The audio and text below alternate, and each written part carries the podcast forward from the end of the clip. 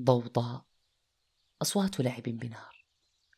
ألسنة دخان تملأ المكان إنه اشتعال. وبجانب آخر يوجد رشات مطر وأشجار تزين الطرقات بألوان خضراء. هدوء يخيم على الأرجاء لا صوت يهمس ولا صريخ. نزول أسفل الممر بلا توقف.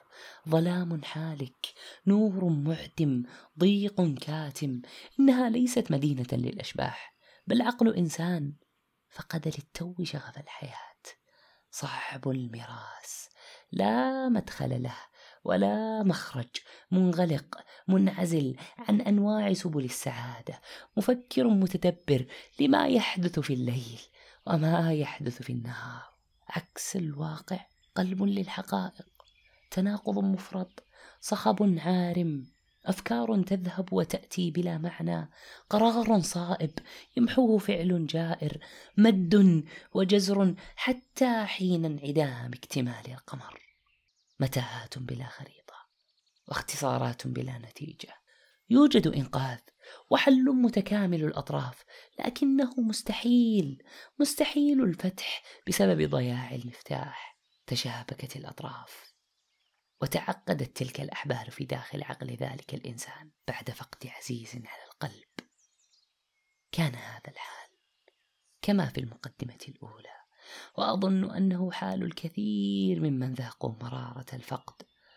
ضياع في الطرقات ومن قوة الشتات نسير في كل اتجاه تارة بين القلب وحزنه وأخرى مقاومة للعقل وإدراكه. لا نعرف أين الاتجاه ولا أين طريق النجاة. اكتئاب حزن تعكر مزاج. وذات يوم استبصرت على نفسي. من مقولة قرأتها في الكتاب. وسط المعاناة غير السؤال. ماذا أتوقع من الحياة؟ إلى ما الذي تتوقعه الحياة لي؟ هنا بمثابة صفعة قوية تلقيتها.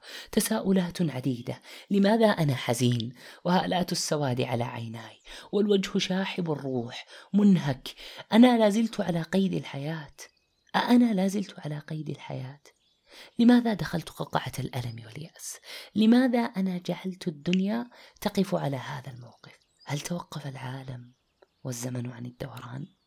كانت هذه الأسئلة تدور في مخيلتي. كلحظة استبصار أدركت بأنه يجب المقاومة والنهوض من جديد. إلى متى وأنا أضع الأعذار؟ إلى متى وأنا في ظلمة الذكريات والحنين والاشتياق؟ مما جعلني أبحث عن معنى للحياة وعن معنى لمعاناتي وأحولها لجانب قوة وإيجابية. وهنا تذكرت قول العلامة السعدي رحمه الله تعالى ومن أسباب دفع القلق الناشئ عن توتر الأعصاب واشتغال القلب ببعض المكدرات الاشتغال بعمل من الأعمال أو علم من العلوم النافعة فإنها تلهي القلب عن اشتغاله بذلك الأمر الذي أقلقه وربما نسي بسبب ذلك السبب التي أوجبت له الهم والغم ففرحت نفسه وازداد نشاطه. دائما الجوانب المأساوية والسلبية من الحياة كالمعاناة التي لا يمكن تجنبها أو التخلي عنها يمكننا تحويلها إلى إنجاز إنساني مبهر من خلال الاتجاه الذي يتبناه الإنسان تجاه أزمته. كما يقول نيتشه ما دمت حيا فستعاني. الطريق الوحيد للنجاة أن تجد معنى لمعاناتك. والتي آمن بها فرانكل مؤسس العلاج بالمعنى فعاش من أجل أن يجد الطريق لمعنى الحياة ومن أجل أن يجد الإنسان هدفا لحياته حتى في أقصى لحظات الألم والمعاناة. ونبذة عن فرانكل وهو أحد السجناء في معسكر أوروتشفر في بولندا بالحرب العالمية الثانية. جعلته هذه المعاناة يعيش لحظة بلحظة معاناة الإنسان. وهو مجرد من كل شيء حتى اسمه. وقد أصبح مجرد رقم مطبوع على ملابسه التي لا تقيه من سوء الطقس. وأتاحت هذه التجربة للدكتور أن يعيش التجربة الحقيقية للمعاناة الإنسانية بكل تفاصيلها حيث أصبح من معسكرات الموت إلى إنسان يبحث عن معنى ومؤسس لنظرية العلاج بالمعنى الشهيرة في نظريات علم النفس وتقول مبادئ العلاج بالمعنى. يجب عليك أن تكون مستبصرا لنفسك تدرك المشكلة والحل عدل اتجاهاتك وتغلب على المشكلات التي تعيشها. افعل كما لو وتعني أن أضع نفسي مكان فرد آخر أريد أن أصبح مثله. حتى ولو لم تصدق الشعور فقط في البداية. بعدها سوف تتمكن من ذلك وتفعله بكل إيجابية. ودائما كن مستعدا للمواجهة وتخيل حدوث الأشياء التي تخاف منها. هنا تساعدك. بل تتخلص من القلق والأفكار الكمالية وتصل إلى مرحلة تسخير من أعصابك. واكتشف ذاتك وحلل خبراتك وابحث عن وجود هدف لك في هذه الحياة. اسعى لتحقيق ذلك. وضعه أمام عينيك بأن تحقق المعنى ويتضمن دائما صنع القرار. أنا وجدت من معاناتي بأن أكتب وترتوي روحي العطشة بالكتابة ولهذا أنا هنا بين السطور.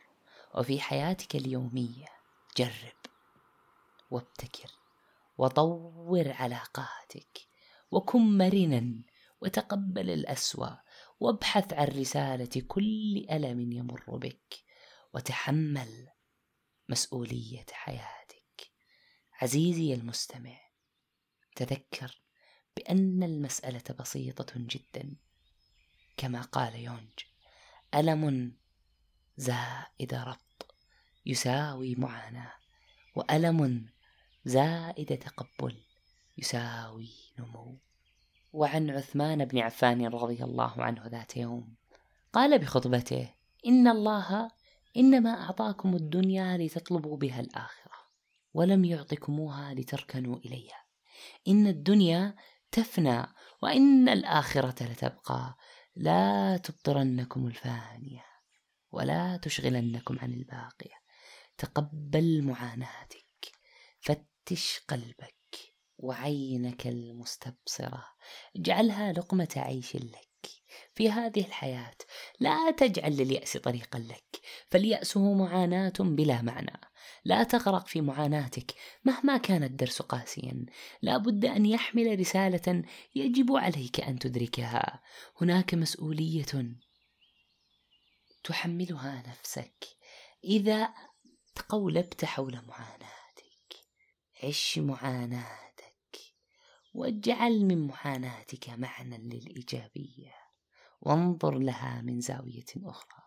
وفي نهاية قصة فرانكل في كتابه الإنسان والبحث عن معنى بعد خروجه من المعسكر النازي. رسالة قوية يقول فيها لا يوجد ثمة شيء يستجوب الخوف بعد الآن. عدا الخوف من الله سبحانه وتعالى. في الختام اجعل لحياتك معنى. فالدرب لا يأتي إليك والحلم لا يجري ليسقط بين يديك. هذا صوت الكاتبة ريانة وأنا جاسر من وراء المايك. في أصواتكم تسمع صوت قلبك بعفوية وقد تسمع صوتا يدخل إلى قلبك وصوت يريح قلبك. كتاباتكم تعطي روحا من أصواتكم.